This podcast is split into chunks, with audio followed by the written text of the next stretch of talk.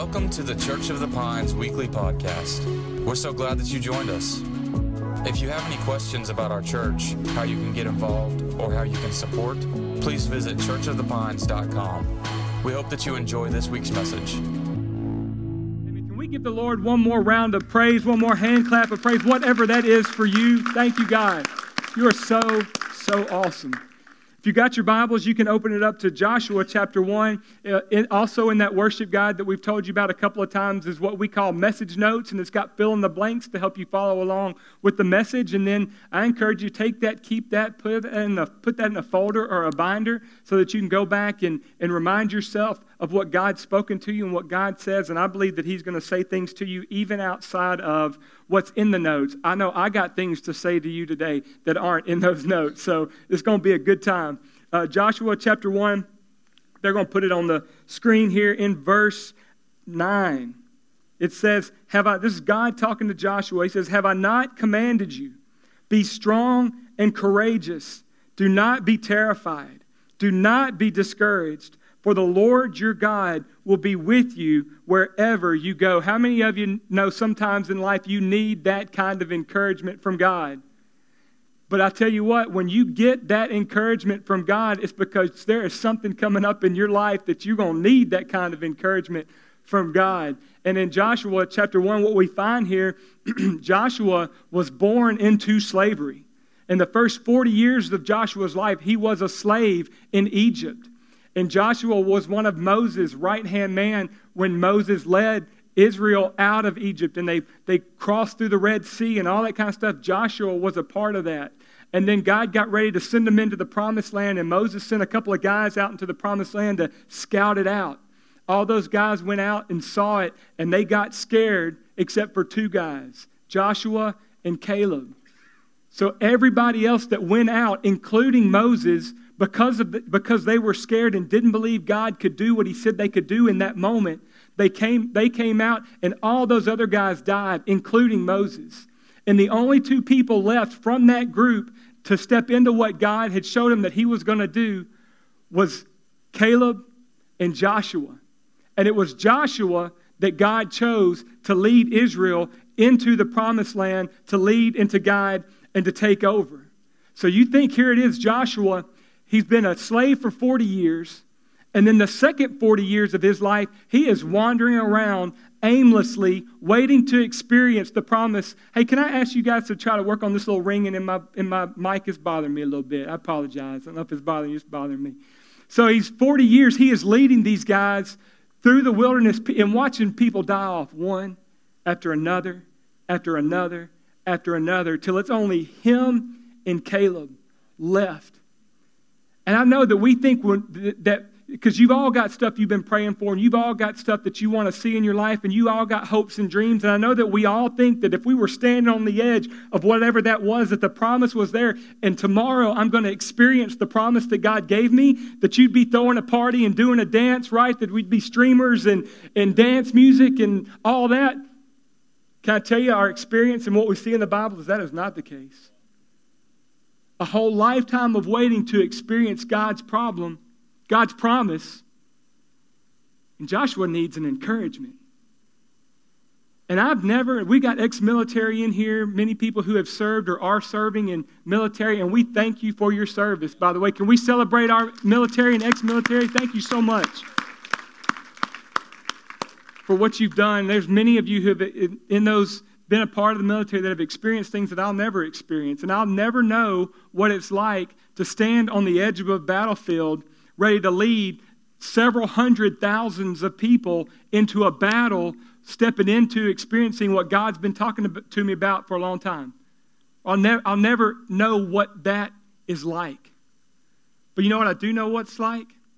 I know what it's like to be standing hand in hand with my 11 year old daughter staring out into the ocean, trying to tell myself to be strong and courageous, to get out in that water and show my daughter I'm a man and I'm not scared of sharks.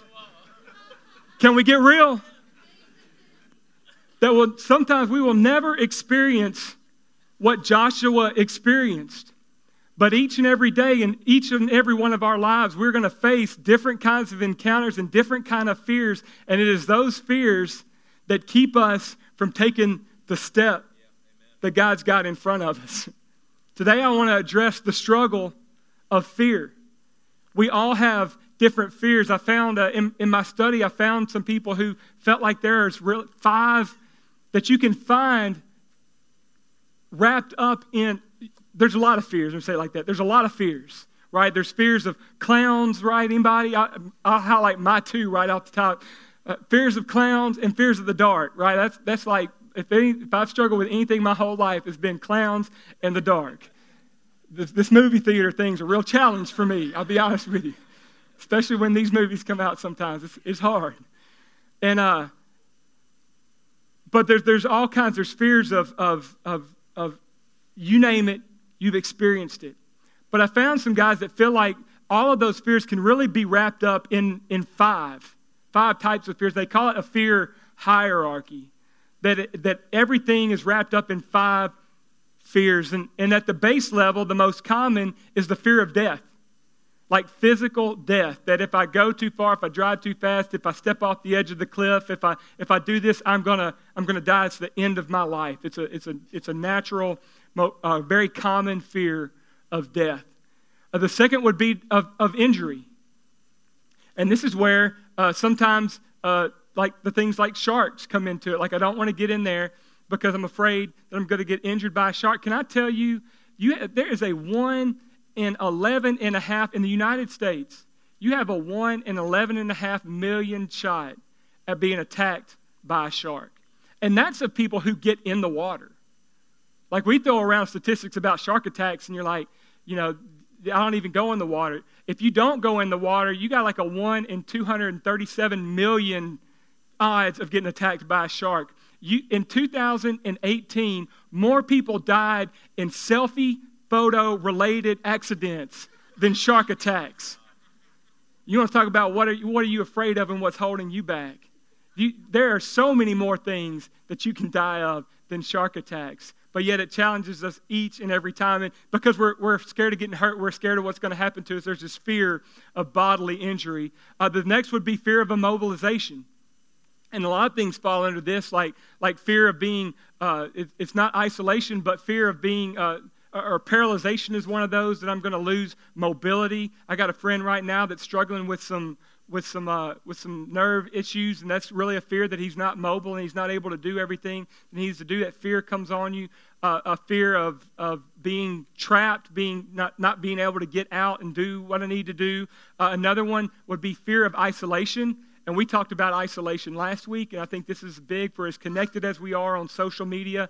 Uh, we, are, we are more disconnected and isolated than ever before. And this is just fear of being, uh, that's why they put, when you're in jail, they'll put you in put you in solitary confinement because that's a place that gets you alone, and isolation is a fear that is so common. Lastly, would be the fear of humiliation that, that people are going to make fun of me, that people are going to think I'm weird, that if I step out, I mean, I, I, struggle with that a lot. You know, I, we joked early on in the church that our dream team, we come in and we do the happy dance out in the lobby and we're greeting you and we're walking you in and we're giving you coffee and we got the music playing. I'm like, you know, I can't make the service, but I can break it. You know, up to this point, you've had a really great experience, and my prayers every week, let me just not mess it all up, Lord, right? Because why? Because I'm worried about you not getting anything? No, because I'm worried about this is this is the alternate of, of physical death. This is uh, humiliation is the, the death of the ego. That it's just about my ego, that I don't want to do, I don't want to step out. I'm scared to do it because I'm, I'm thinking about myself. I'm thinking about my pride. My pride's going to be hurt, and I don't want to be humiliated. Anybody with me? Nobody likes humiliation. One of my most humiliating moments, we were at the food court in a mall. How many know that dates this story? And we were at the food court in the mall doing what, what teenage guys do at a food court in the mall on a Friday night and checking out the ladies. And we were sitting there, and there was just this opening that you could see people walking by, and some cute ladies came walking by there. And so I jumped up to go out there, my drink in my hand, jumped, ran out there to see which way they went. And I turned around to my guys and said, I don't know where they went. And they all looked at me really crazy. I turned around and I had flung my drink all over a guy who was sitting there with his family in the food court at the mall. How many of you would love that experience that you're sitting at the mall and all of a sudden some knucklehead 14 year old kid slings his drink all over you because he's looking at the, at the ladies? That's what I did. totally humiliated, totally embarrassed. I apologized to the guy. I felt like such a heel. And how many know I, I just I back off from chasing things like that anymore, so I don't want to be humiliated. But we all experience, in some form or another, we experience these kind of fears, and fear doesn't come to play. And I'm convinced that fear, fear is a spirit. And fear doesn't come to make you afraid. Fear is not the point of fear. Fear is designed to keep you in a place of doing anything. Fear is designed a trap of the enemy, a spirit of the enemy to keep you from taking the steps and doing what it is that God's called you to do, to be the person that you know you're supposed to be, to live the life that you know you're supposed to live. Fear comes in and robs us of all of that. In my studies, really over the past few weeks, I came across a passage in Job, but it's not in your notes. Uh, and it's not even it's not even they're not even going to have it on the board but i wanted to read it to you because i thought man this really captures it you know the story of job job had about the worst year any human being has ever experienced. And to add injury to insult to Job's life, he had three friends come and try to encourage him, which ended up being anything but encouragement. They really just accused him that he was sinning and not doing what God was wanting him to do and didn't make him feel any better at all. But Job's friend Eliphaz came to him and he began to talk about, you know, get on Job and heap condemnation and heap guilt on Job. And he made this description in in Job chapter 4 and verse 8, he said, uh, no, I'm sorry, in chapter 4,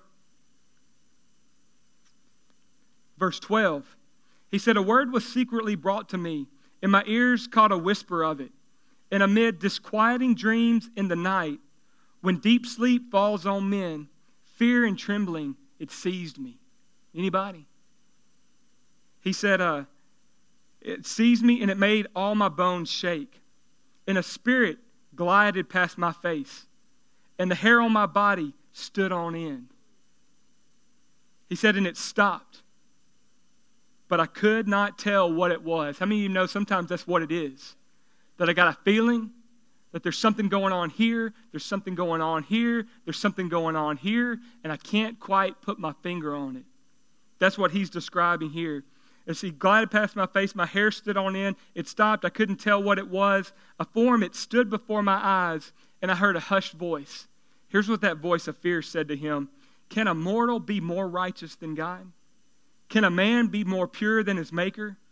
If God places no trust in his servants, if he charges his angels with error, which is how Satan came to be, that God kicked Satan out of heaven because he tried to exalt himself above God so that this the spirit, this enemy, the, the devil's coming to him and said, if God kicked angels out of heaven, he said, How much more that those who live in houses made of clay, whose foundations are in the dust, who are crushed more readily than a moth, how much more will God punish those than he will the angels in heaven?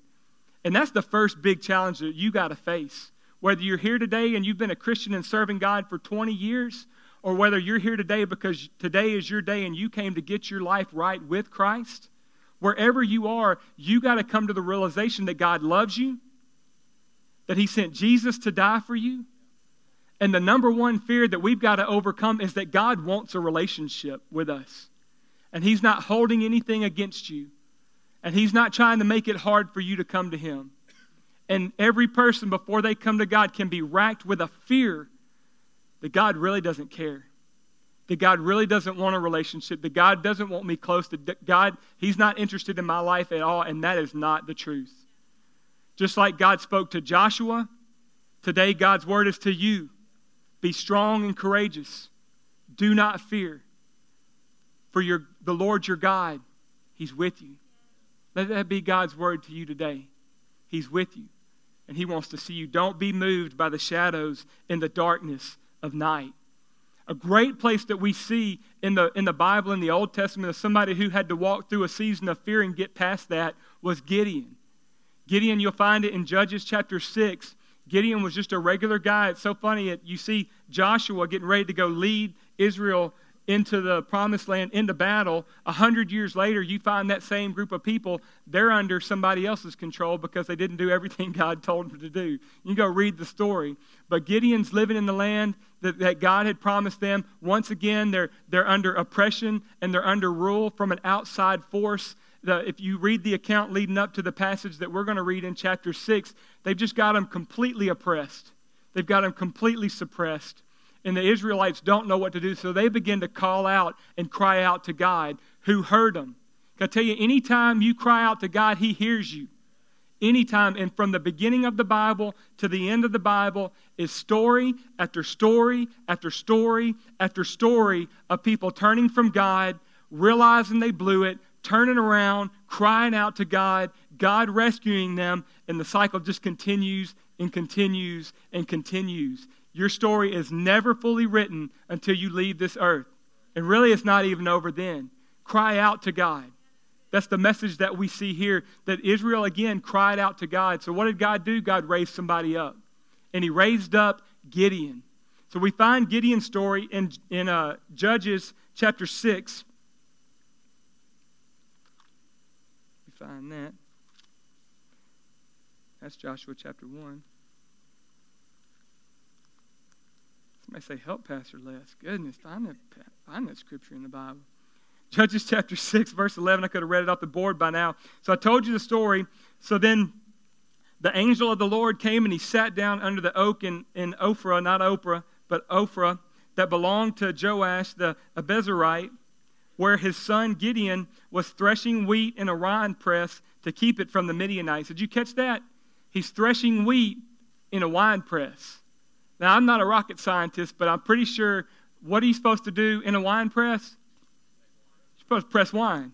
That's not what he's doing. He's threshing wheat because he's hiding, because they're under the rule of the Midianites, and the Midianites are stealing everything that he had. So he's scared. He's hiding out. He's threshing wheat in a wine press to keep it from him. And the angel of the Lord appeared to Gideon. And he said, The Lord is with you, mighty warrior.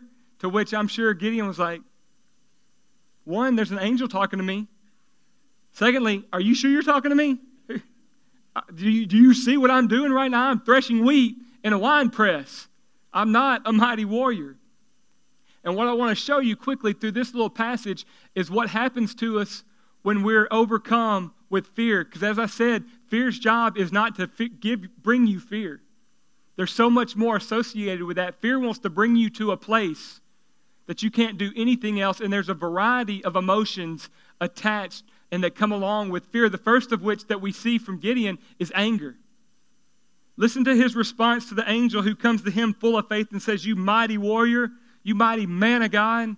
What does he say? He says, But, sir, if the Lord is with us, he says, Why has all this happened to us?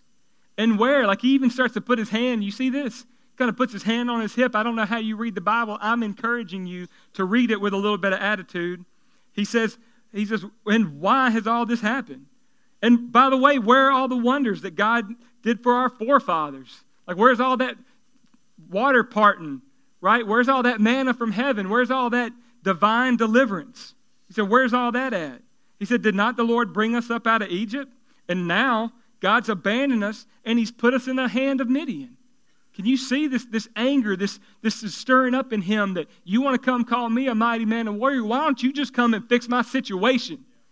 And that's sometimes the prayer we, we're scared, but it doesn't manifest itself in fear. It manifests itself in anger at somebody else. He's mad at God at a situation that his own people got themselves in. God didn't do this to him. God didn't do whatever it is that you're blaming God for right now. God didn't do that to you. You're being angry at the wrong person. So we see he's, he, number one, he's angry.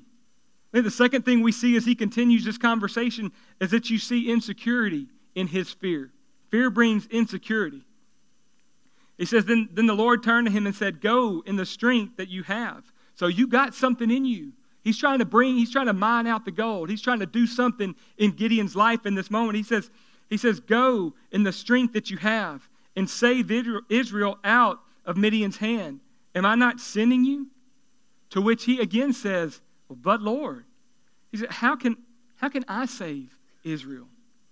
My clan is the weakest in Manasseh, and I am the least in my family. Who am I? I'm not good enough. And he was right. I mean, the, the facts that he says here are true, that they are the least of the least. And who, who is he that God's going to use him to release and defend a whole nation? Fear comes and fear puts you in a place that you think, and, and they say that 60% of women wrestle with the question every day Am I blank enough? That you look in the mirror every day Am I pretty enough? Am I strong enough? Am I smart enough? Am I good enough? And men, we wrestle with something similar. We probably wouldn't all admit it, although we need to. The question men ask, and, and, and I know sons ask of their dad, and daughters are even asking of us as dads, is do I have what it takes? That every one of us has this little insecurity that I, I'm not smart enough, I don't have what it takes. Gideon's wrestling with the same thing, with the angel of God standing right in front of his face saying, You can do it, I've called you to it. But he's so scared and he's so racked with fear that he can't even see it. The angel starts to break through to him a little bit, and the third thing that we see is he steps into a little bit of control. He says, All right, okay, I'm starting to get it a little bit here. He says, But but if I found favor, right, I hear you, I hear what you're saying. The angel says, I will be with you, and I'm going to strike down the Midianites, and we're going to do it together. To which Gideon replied, If I have now found favor in your eyes, hey, give me a sign. Well, that's great. Sounds great. But you're going to do a little more than that. That we, we begin to, okay, God, I'm going to let you work in my life. Okay, God, I'm ready to step past this fear, but if I'm going to do it, we're going to do it my way. If I'm going to follow you, we're going to have to follow you on my terms. If I'm going to follow you, we're going to do it the way that, that makes sense to me. If I'm, if I'm going to do what you call me to do, then I, we're going to have to do it in line with the way my grandparents raised me, right? Within the way, way my denomination raised me, within the way that my alma mater raised me. That we're going to have to do it the way that I know to do it. He says, I'm going to go and I'm going to go away and I'm going to, I'm going to get a sacrifice and I'm going to bring it to you and bring my offering and I'm going to set it before you. Hey, we're going to do it my way. To which the Lord, He's so gracious. Everybody said the Lord is gracious. Thank God for His gracious and His goodness. He said, the Lord said, I'll wait for you to return. That even in the middle of Gideon trying to take control and do it the way he wanted to do it, God was gracious and said, I'll wait. And in that moment, I love this, and it doesn't really have necessarily a lot to do with the progression of this message, but I just had this thought because in this moment, Gideon finally gets it. He finally hears God. The angel has said enough to him that he finally says, Okay, I believe that you can do it. So he goes and he gets the sacrifice. He brings it back. The angel waits for him. He create, they burn the sacrifice. They do the whole thing. And then he believes. He's ready. And in that moment, he makes an altar that they say in the Bible is still standing there today. And he called it, The Lord is Peace. I want you to write that down. And I want you to remember that. You know, in the Old Testament, we see that there's seven redemptive names we call them of God.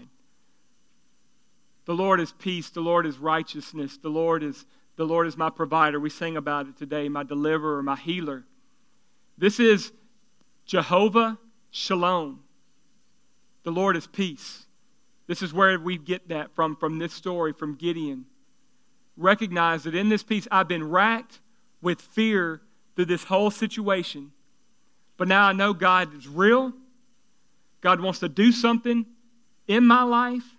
He wants to do something through my life. And He wants to make a change to what's going on in this situation. And I'm at peace. That's the number one leading of the Lord, guys, is peace. And so much of our fear, so much of our doubt, so much of our worry is because we don't have any peace. And it's not because we don't have peace because God isn't on the throne. We don't have peace because we got a lot of other things going on in our life. We got a lot of relationships in our life. We got a lot of Midianites in our life. We got a lot of things that, that aren't even people. It's things that we've placed in our life, it's things that we've put our hands to. And I want to help you today come from a place of fear, just like Gideon was, into a place of faith. Fear comes to suppress, which is what we see in Gideon's early story. But God comes to bless.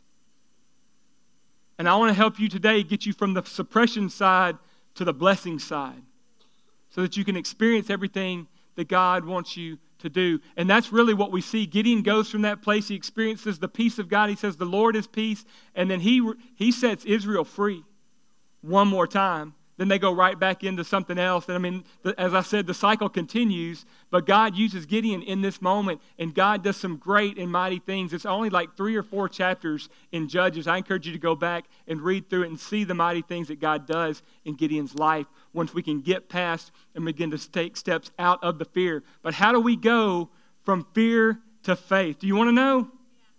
Great. Angela wants to know. I'm going to tell you all about it. We need it. Number one, I think number one thing that we got to do, the four questions I want you to ask yourself. How do I go from fear to faith? Number one is, what am I doing? What am I doing?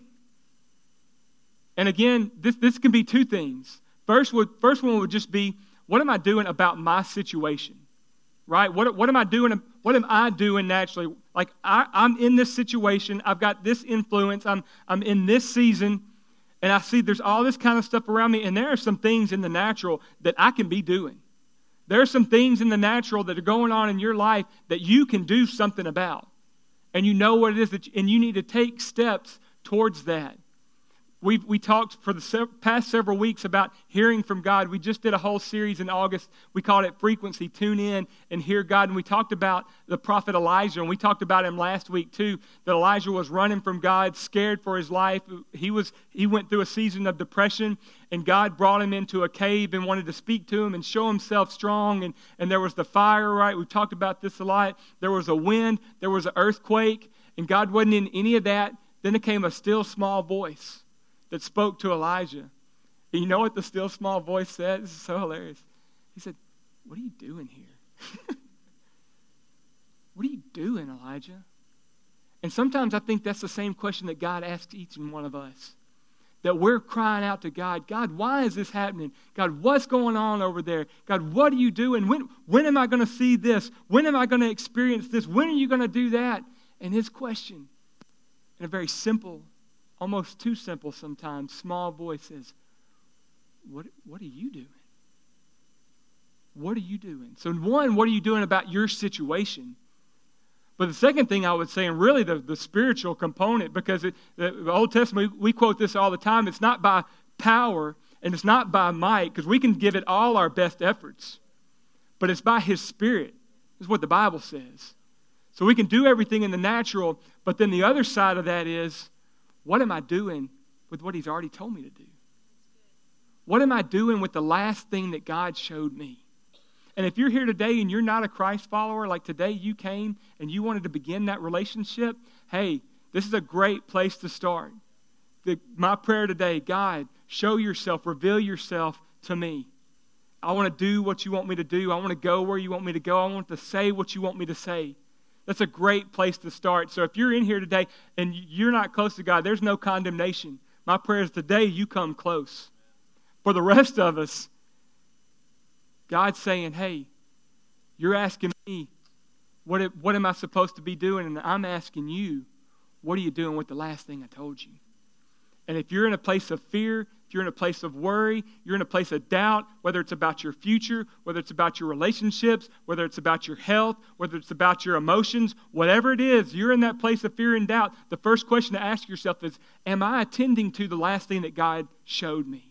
Proverbs 29 says that if people can't see what God is doing, then they stumble all over themselves. That's why we had a vision Sunday a couple of weeks ago to kind of let you know what God's doing and get us all on the same page. But it goes on to say that when they attend to what He reveals, that's when they're most blessed. And a lot of us, we're not experiencing blessing, we're experiencing suppression because we're not attending to the last thing that God told us to do. So if you're in that season and you're trying to figure that out, then your job this week and, and your direction this week is to go home, get on your knees, go home, find a quiet place, whatever that is for you, and ask God, hey, remind me, I've forgotten. Or forgive me, Lord, for getting off the path and doing it my own way.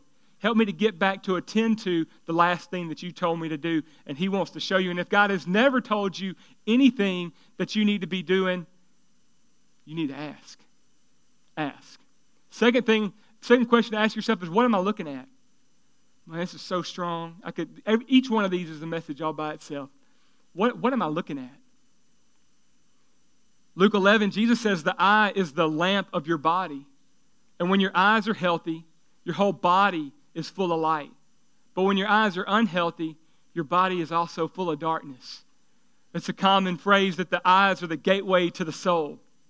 We got one of our good friends here in the church. He's an eye doctor, and he you can you can see all kinds of things, both naturally and spiritually, when it go, talk, when we talk about looking into your eyes. But what are you looking at? What are we what are we looking at with these eyes, men? I want to challenge you. What are you looking at? It's one of the biggest blights in our society today is, is sexual addiction and pornography. Let's just be real. And if you are walking through that by yourself and you are looking at things that you shouldn't be looking at, you need to find some help and you need to find some men that you can talk about it with because you're never going to be as healthy. You'll never be everything God called you to be when you're struggling with that. And it's not because it's a sin, because there's all kinds of other sin. I mean, it's it, overeating is the same. I mean, it's all.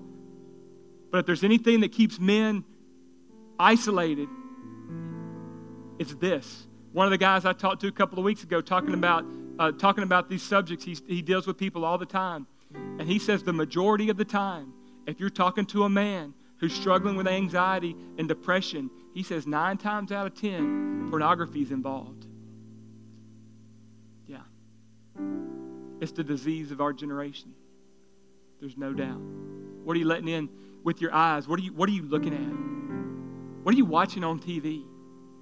It's hard to, it's hard to go from it's hard to go from Friday the 13th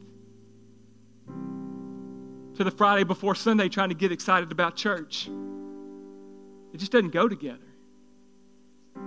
There's these, but then there's also the eyes of your heart. Paul identifies in Ephesians chapter 1, he says that, that I pray that the eyes of your heart are flooded with light. But yet we're letting so much other junk in there. We're going to go home and we're going to watch the Cowboys, and the Cowboys are great, but those commercials, y'all. I mean, we're just all day, every day that we're listening to things, which leads me to our second thing. What am I looking at? Another question to ask yourself I'm trying to get out of fear and into faith. What am I listening to? Who are the voices in my life? And, and in both of these, I, I just want to encourage you because I got to thinking this week about because this can be good things and this can be bad things.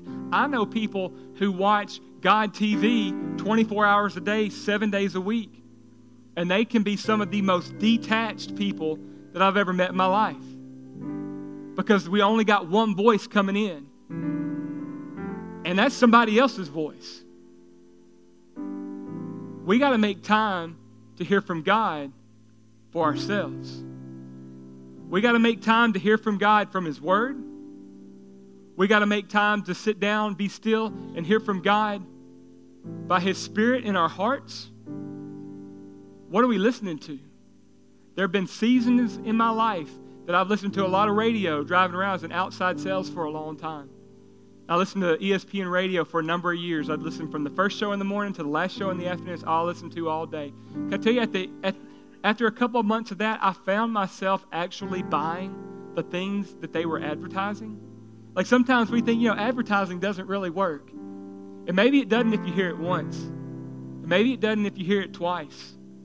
But if you're continually feeding on and listening to things that are contrary to this, if you're listening to things that are contrary to God's word, if you're listening to things that don't line up with who He is and what you know He wants you to be doing, you'll always stay trapped in fear. You'll always stay trapped in worry. Man, the 24 hour news cycle is a beast.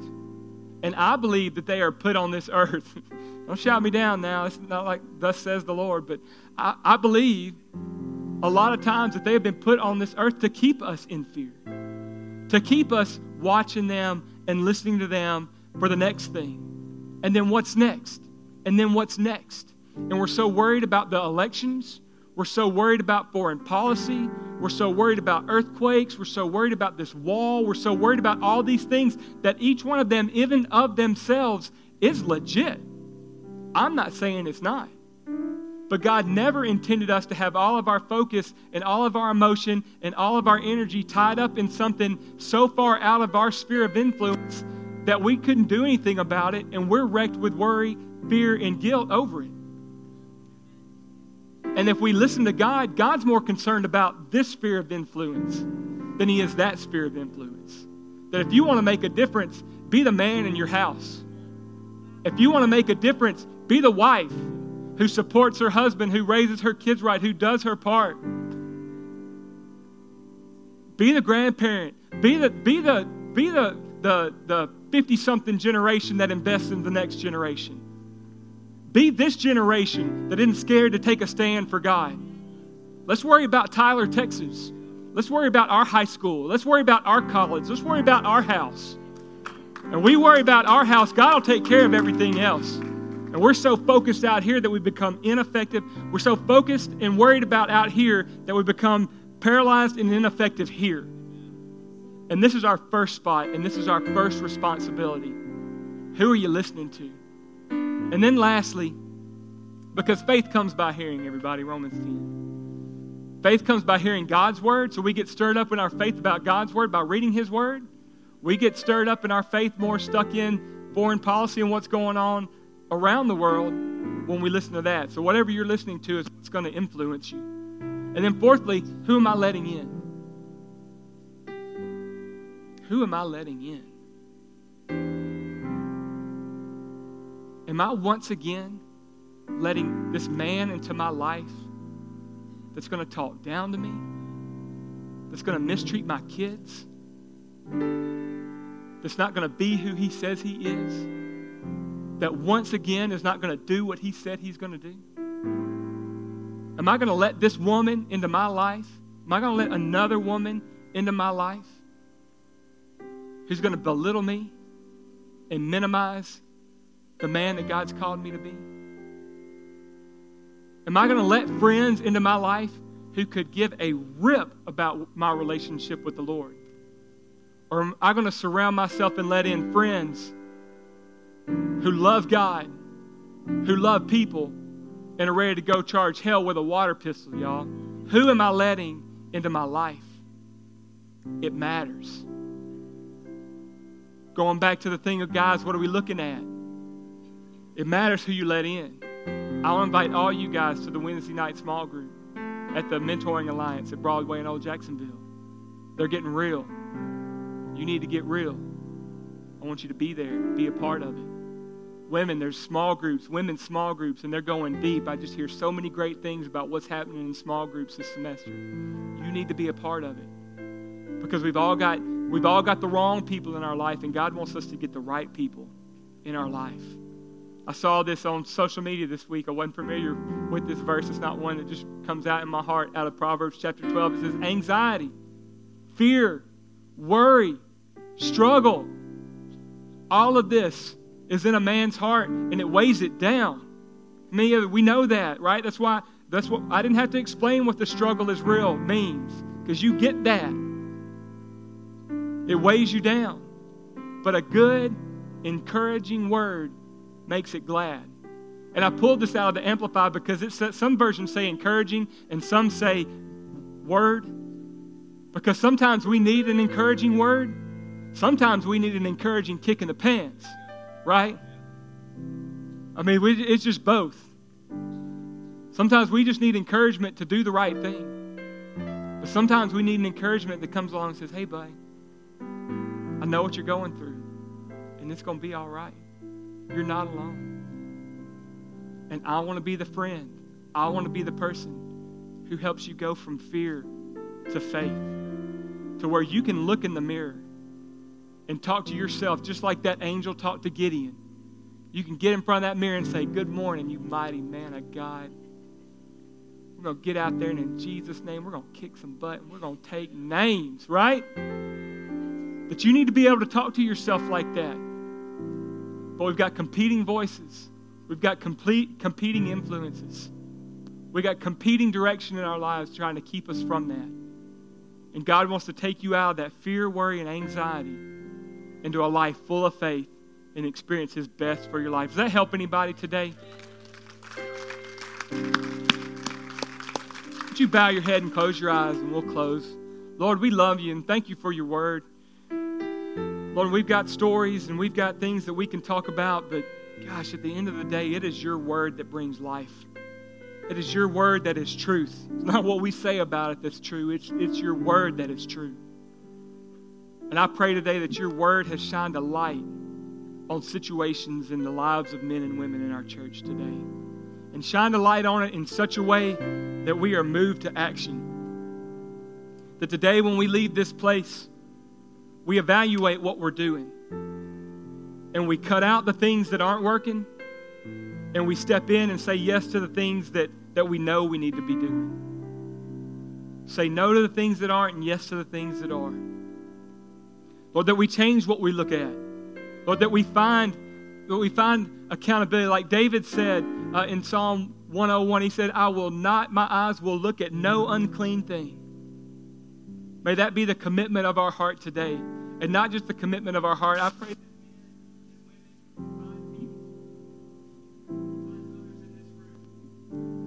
that they can make that claim together. Lord, I pray that we change what we're listening to. That today we go from the bubblegum pop, jump, whatever it is that we're, help us, Lord. That we go from that and we find clean things to put in our ears. That we turn from the 24 hour news cycle that's got us ravaged with fear about what's next. We replace that time with time listening to your word, time listening to your truth. And Lord, I pray that today, people all over this room make a commitment to let somebody in their life, whether it's a spouse, whether it's a friend. And I just pray that even today, as we're leaving in the lobby, that men will lock eyes and say, You're my guy. That women will lock eyes and say, Hey, I don't know you, but maybe you can help me. That we reach out. As we close, we're talking about letting, who are we letting in? Jesus in Revelation says, just we're still in a moment of worship and prayer. Jesus said, Behold, I stand at the door and knock. He said, And whoever lets me come in, whoever opens the door and invites me in, that I will come in with them and I will dine with them. And obviously, we're not talking about sitting down at a table and eating a real meal, but talking about, talking about dining together that denotes intimacy it, it, it pictures relationship. That God wants to come down and sit at the dining room table of your life. I say He doesn't even not the dining room table, He wants to come sit at the kitchen table. He wants to come sit at the kitchen table of your life and enjoy life with you and help you enjoy life too. We're talking about who are you letting in. Some of you today, you need to let Jesus in, but you've been keeping him out and the day He wants to come in. And I'm not saying that when you walk out of this room, the sky's going to be bluer and the sun's going to be shinier, shinier. And I'm not saying just because you commit your life to the Lord today that the Cowboys are going to win, although they probably will. But I am saying today that you can leave confident in a relationship with somebody who wants a relationship with you, and that's Jesus. And if that's you today and you are ready to receive Him, you are ready to say, Jesus, come in to my heart. Today I open the door and I let you in. Raise your hand. We want to pray together. I'm not going to call you out. I'm not going to bring you down to the front. We're not going to do anything to bring attention to you. We're all just going to pray a prayer out loud together. Say, Jesus, I want you in my heart. That's you today. So great. So great. Awesome. Well, let's all pray this prayer out loud together. Say, Dear Heavenly Father, I thank you for Jesus. And today, I open my heart for Jesus to come in. Today, Jesus, I want to begin a relationship with you.